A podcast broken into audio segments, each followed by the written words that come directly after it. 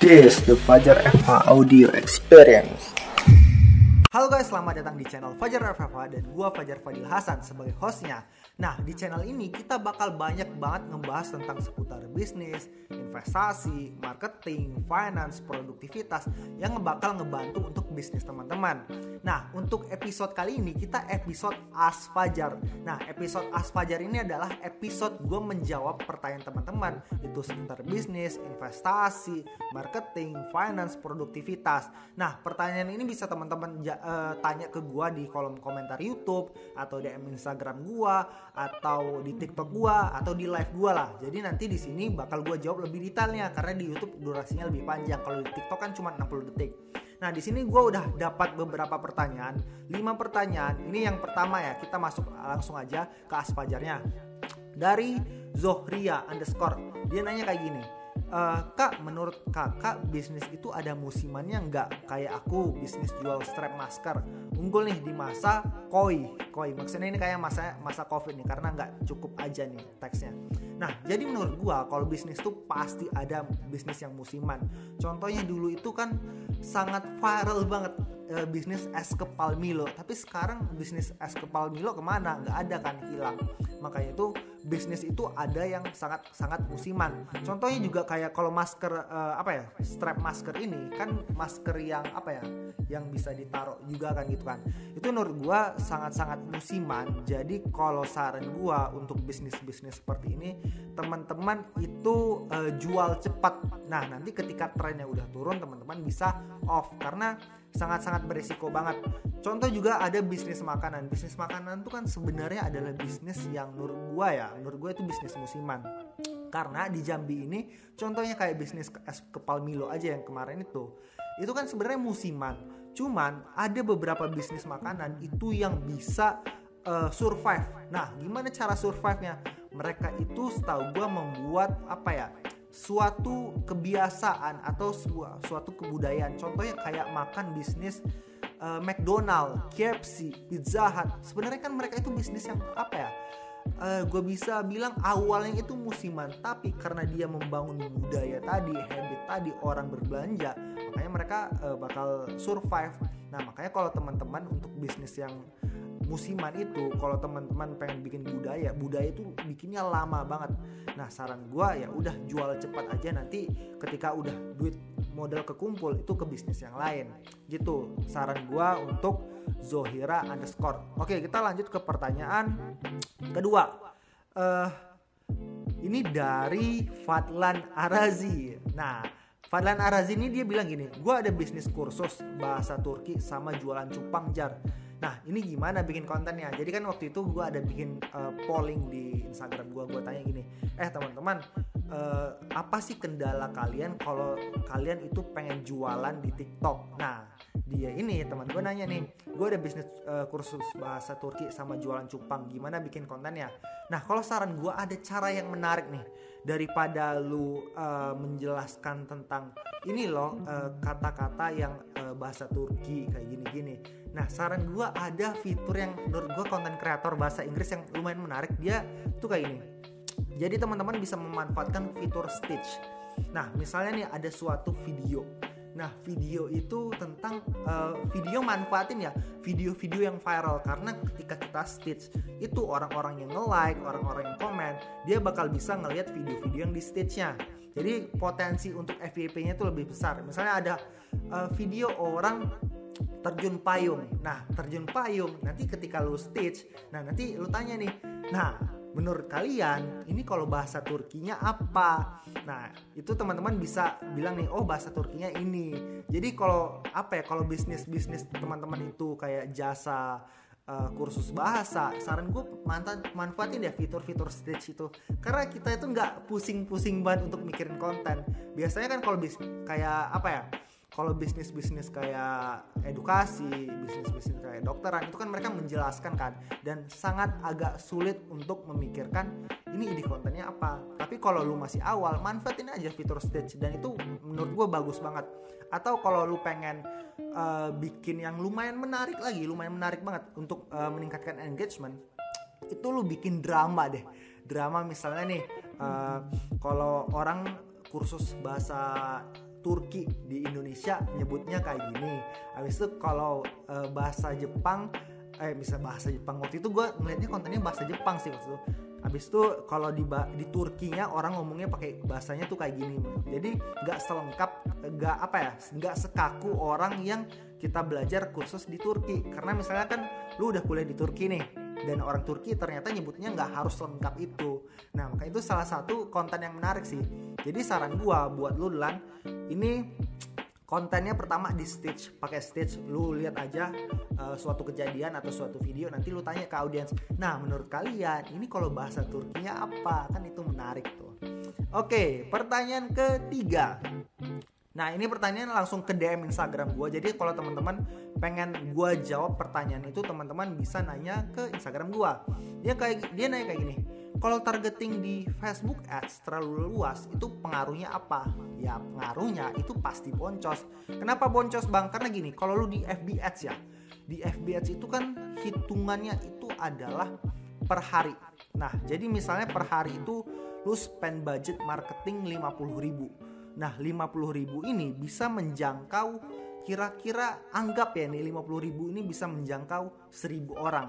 Nah 1000 orang ini masalahnya kalau lu targetingnya umum banget itu uh, misalnya yang benar-benar target market lu itu ada cuman eh, 100 orang dibandingkan 1000 nah 1000 ini ya orang-orang yang nggak terlalu tertarik sama produk lu pasti kan boncos kan. Makanya itu kalau targeting itu spesifik nggak terlalu luas ya udah produk lu bakal potensi kejualnya lebih enak. Karena ketika kita udah naruh apa ya bareng kita sama orang-orang yang tertarget pun itu nggak otomatis bakal langsung kejual kenapa? Karena bisa jadi dia gak megang duit sekarang habis itu uh, dia lah apa ya uh, dia lagi kondisinya di luar gak bisa bertransaksi makanya itu saran gue kalau lu bisa targeting spesifik ya spesifik. Nah gue ada beberapa tips kalau kalian pengen iklan di Facebook Ads. Itu manfaatin banget fitur pixel. Jadi pixel ini adalah semacam code yang ditempelkan ke dalam landing page kalian atau website kalian. Jadi si Facebook itu ada namanya fitur uh, selain pixel tadi ada namanya look like audience. Nah, jadi kan misalnya lu pasang iklan nih. Ketika lu pasang iklan, nah itu kan kalau ada orang yang tertarik sama iklan lu, dia kan bakal ngeklik nih. Misalnya lu arahin ke landing page saran gue ke landing page sih jangan langsung ke WA karena kalau ke WA itu pasti langsung boncos nah ke landing page nah ketika di landing page itu ada kita masang kode pixel nah pixel itu pixel ini disediakan sama Facebook kok. Nah, pixel ini bakal ngecatat nih, oh ternyata uh, misalnya gue ngunjungin website lu ya, landing page lu. Oh ternyata si Facebook bakal tahu nih, oh ternyata gue nih orang yang sukanya ini, ketertarikannya ini, umurnya segini, abis itu hobinya ini. Jadi ketika kita ada memanfaatkan fitur tambahannya lagi namanya look like audience, si Facebook bakal cari nih orang yang ketertarikannya ha, hampir sama sama dengan gue. Jadi apa ya targetingnya itu bakal lebih spesifik. Karena kalau kita targeting pakai kata kunci itu menurut gua masih terlalu luas. Maka itu orang kebanyakan pakai look like audience. LLI lah kalau gua bilang uh, namanya. Gitu saran gua kayak gitu. Karena pasti boncos kalau terlalu umum. Gitu untuk Iqbal Fater. Nah ini kita langsung ke pertanyaan keberapa nih tadi udah berapa pertanyaan ya oh ini pertanyaan keempat pertanyaan empat tadi udah gue jawab tiga ya Nah ini pertanyaan dari uh, waktu gue live. Nah kenapa gue bikin lagi jawabannya karena biar teman-teman itu yang nggak ikut gue live itu bisa teman-teman tahu nih. Jadi dia nanya kayak gini. Uh, kalau video nggak bagus-bagus gitu perlu dihapus nggak atau dibiarin? Jadi gue ada ngebahas tentang kalau lu pengen bikin konten di TikTok, jualan kalian, personal branding kalian, bikinlah yang bagus, yang bervalue. Nah, kan kadang ada orang itu, dia ini dari pertanyaan dari Knife Collection ya. Dia nanya gini, eh, gue ada, gue setelah gue cek akun TikTok ya, ada beberapa konten yang memang uh, bervalue lah, lah bagus lah menurut gue. Tapi kadang ada juga konten-konten yang spamming. Nah, konten-konten yang spamming itu atau konten yang jualannya tapi nggak terlalu bagus saran gue gue hapus. Kenapa? Karena misalnya nih ada konten kalian uh, yang viral di TikTok. Nah konten viral itu otomatis kan orang yang nge-like algoritma TikTok tuh kayak gini. Gue belajar ketika misalnya nih gue like gue komen atau gue swipe right gue ngeliat profil dari si kreator tadi gara-gara gue tertarik sama uh, kontennya tuh gue swipe nanti bakal ada konten selanjutnya. Nah, masalahnya kayak gini, ketika gue awalnya tertarik nih sama satu video lu yang viral, abis itu uh, gua scroll lagi ternyata di FYP gua nemu video lo tapi nggak bagus kayak apa ya nggak bervalue. Jadi gua skip langsung gua scroll. Nah itu otomatis otomatis itu kan viewsnya jadi langsung nol kan karena orang nggak not interested sama lu. Bukan karena dia pencet not interested tapi karena langsung swipe gitu. Nah jadi peluang lu untuk uh, bisa FYP lagi konten selanjutnya itu jadi lebih kecil jadi makanya itu saran gue dihapus aja kalau kalian pengen bener-bener ngebangun konten untuk jualan di TikTok atau bangun personal branding itu bikin fokus yang ke target. Karena gue ada contoh kasus, gue ini kan sebenarnya waktu awal bikin konten di TikTok itu bahas tentang bisnis dan investasi. Nah ada kejadian gue bikin konten itu uh, seputar lomba. Lombanya ini tentang edukasi juga, tapi dia ini bidangnya umum banget Nah, ketika gue ngeikut lombanya waktu itu IDN Times, dia ngebahas lu bikin konten yang ada berita-berita di IDN Times. Nah, itu kontennya sangat apa ya, sangat umum banget. Jadi ada beberapa followers gue yang bilang, bang gue unfollow lu karena uh, kontennya umum banget. Soalnya waktu itu ada gue bikin uh, konten penjelasan tentang uh, sorry ya gue kemarin itu kontennya nggak fokus di bisnis investasi. Makanya uh, beberapa konten gue kemarin ada sekitar berapa ya 30 itu nggak uh, sesuai target gue niche gue kayak investasi dan bisnis. Dan ada yang komen kayak gitu. Dan setelah itu gara-gara ada yang komen yang itu dan gue tahu nih ternyata uh, itu sangat berpengaruh banget. Jadi gue hapus-hapus konten yang umum tadi gue balikin lagi ke konten bisnis dan investasi. Maka itu sangat berpengaruh banget kalau fit kalian itu nggak bagus dan apa ya kalau kalian pengen orang follow kalian pastikan ketika dia orang itu udah follow uh, kayak udah swipe right ketika ngelihat feed kalian itu dia udah tahu oh ternyata si Fajar ini bahas tentang bisnis marketing dan produktivitas. Atau kalau di Naif Collection nih oh ternyata si Naif Collection ini dia ngejual barang-barang yang uh, apa ya kesehatan contohnya. Dan pastikan juga ketika di swipe right itu ngeliat profile kalian feed kalian bio kalian itu manfaatkan semaksimal mungkin. Jangan kalian tulis kayak hanya bersenang-senang atau kayak uh, eh, IG gua ini. Jangan. Maksudnya jelasin kalian itu siapa. Dan misalnya kalau lebih bagus lagi pasang uh, link untuk uh, kalau pengen lebih lanjut atau jualan klik tombol di bawah ini. Karena biar orang lebih jelas gitu. Karena orang banyak banget setelah gue lihat-lihat dia nggak memanfaatkan fitur bio ini. Bio ini mereka pasang asal aja gitu. Jadi saran gue tadi untuk konten di TikTok kalau ada yang nggak sesuai niche atau konten kalian amburadul banget saran gue langsung dihapus aja gitu. Oke untuk Knife Collection SB30 Nah ini uh, pertanyaan dari spideros.naza Ini pertanyaan di live gue juga. Dia nanya kayak gini uh, Kalau hashtag gak uh, ngaruh gak bang kalau di TikTok? Bagi gue hashtag ini ngaruh gak ngaruh sih. Cuman ada beberapa hashtag yang sangat berpengaruh Jadi kalau kalian pengen bikin konten di TikTok itu sebenarnya algoritma TikTok udah tahu kalian itu bikin konten apa kalau kalian udah sering bikin konten ya. Tapi gue ada beberapa kali di kontak uh, kontak sama orang TikTok dia bilang kayak gini eh jar kalau lu pengen ikut kompetisi ini atau pengen video lu di up pakai hashtag ini ya biar nanti kita up konten lu nah kontennya itu cara nge-upnya kalian lihat aja hashtag hashtag yang lagi trending. Kan ada tombol search kan? Nah tombol search itu kayak tombol apa ya kita ngelihat video-video trendingnya lah yang ada di TikTok. Nah itu ada hashtag hashtag yang kalian bisa pakai. Tapi saran gua untuk uh, ngaruh gak ngaruh hashtag itu bagi gue cuma ngaruhnya sekitar 20% yang paling berpengaruh itu adalah konsep video kalian value produk kalian. Nah itu sekitar 40% atau 50% lah.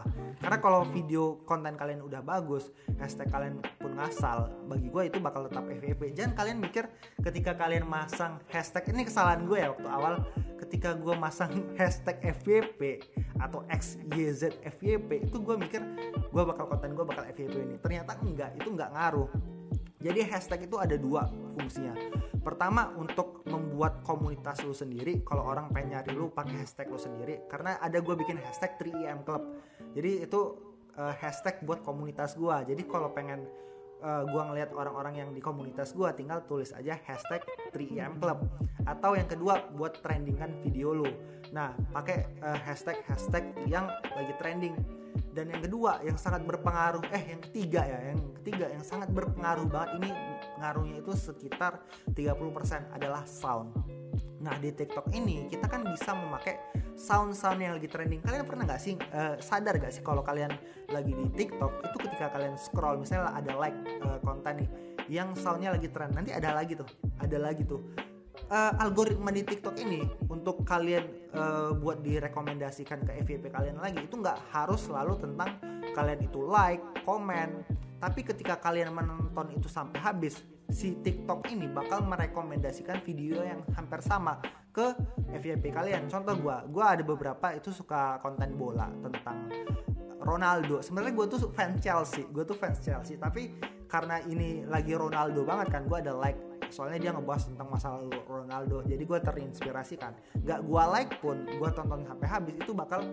uh, ngaruh lagi. Jadi sound itu menurut gue ngaruh. Jadi kalau kalian pengen pakai sound itu pastikan sound itu konsep videonya itu sama dengan soundnya. Kadang ada beberapa orang yang pakai sound yang trending tapi mereka nggak trending karena konsep videonya itu nggak sama makanya itu sound ngaruh. Jadi kalau hashtag itu ngaruhnya cuman sekitar 20% nah kalau uh, apa ya kalau konsep video itu berpengaruhnya 50% kalau sound itu berpengaruhnya 30% jadi pastikan konsep video kalian itu kalau pengen ngaruh banget di FYP pertama uh, video ini soundnya harus sesuai eh konsep video ini harus dengan sama dengan konsep uh, sound trendingnya.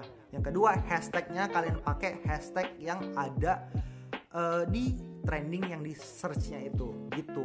Jadi ini untuk jawaban dari Spider Rose at underscore Naza. Nah sekian untuk episode Asfajar yang kelima ini kalau teman-teman pengen pertanyaan gue jawab juga kalian teman-teman tinggal tanya aja di kolom komentar YouTube gue atau DM Instagram gue atau komen di postingan-postingan gue lah yang ada di TikTok kayak yang ada di Instagram kayak ada yang di YouTube kayak atau di live gue nanti gue bakal jawab Nah nanti kalau bagi kalian yang beruntung itu bak pasti bakal gue jawab kok. Soalnya kalau ada beberapa teman-teman yang nggak gue jawab pertanyaan itu bukan berarti gue gak mau jawab. Itu udah ada gue jawab cuman di episode As Fajar sebelumnya. Oke sekian dari gue Fajar Fadilasan untuk episode As Fajar kali ini. Semoga bermanfaat. Assalamualaikum.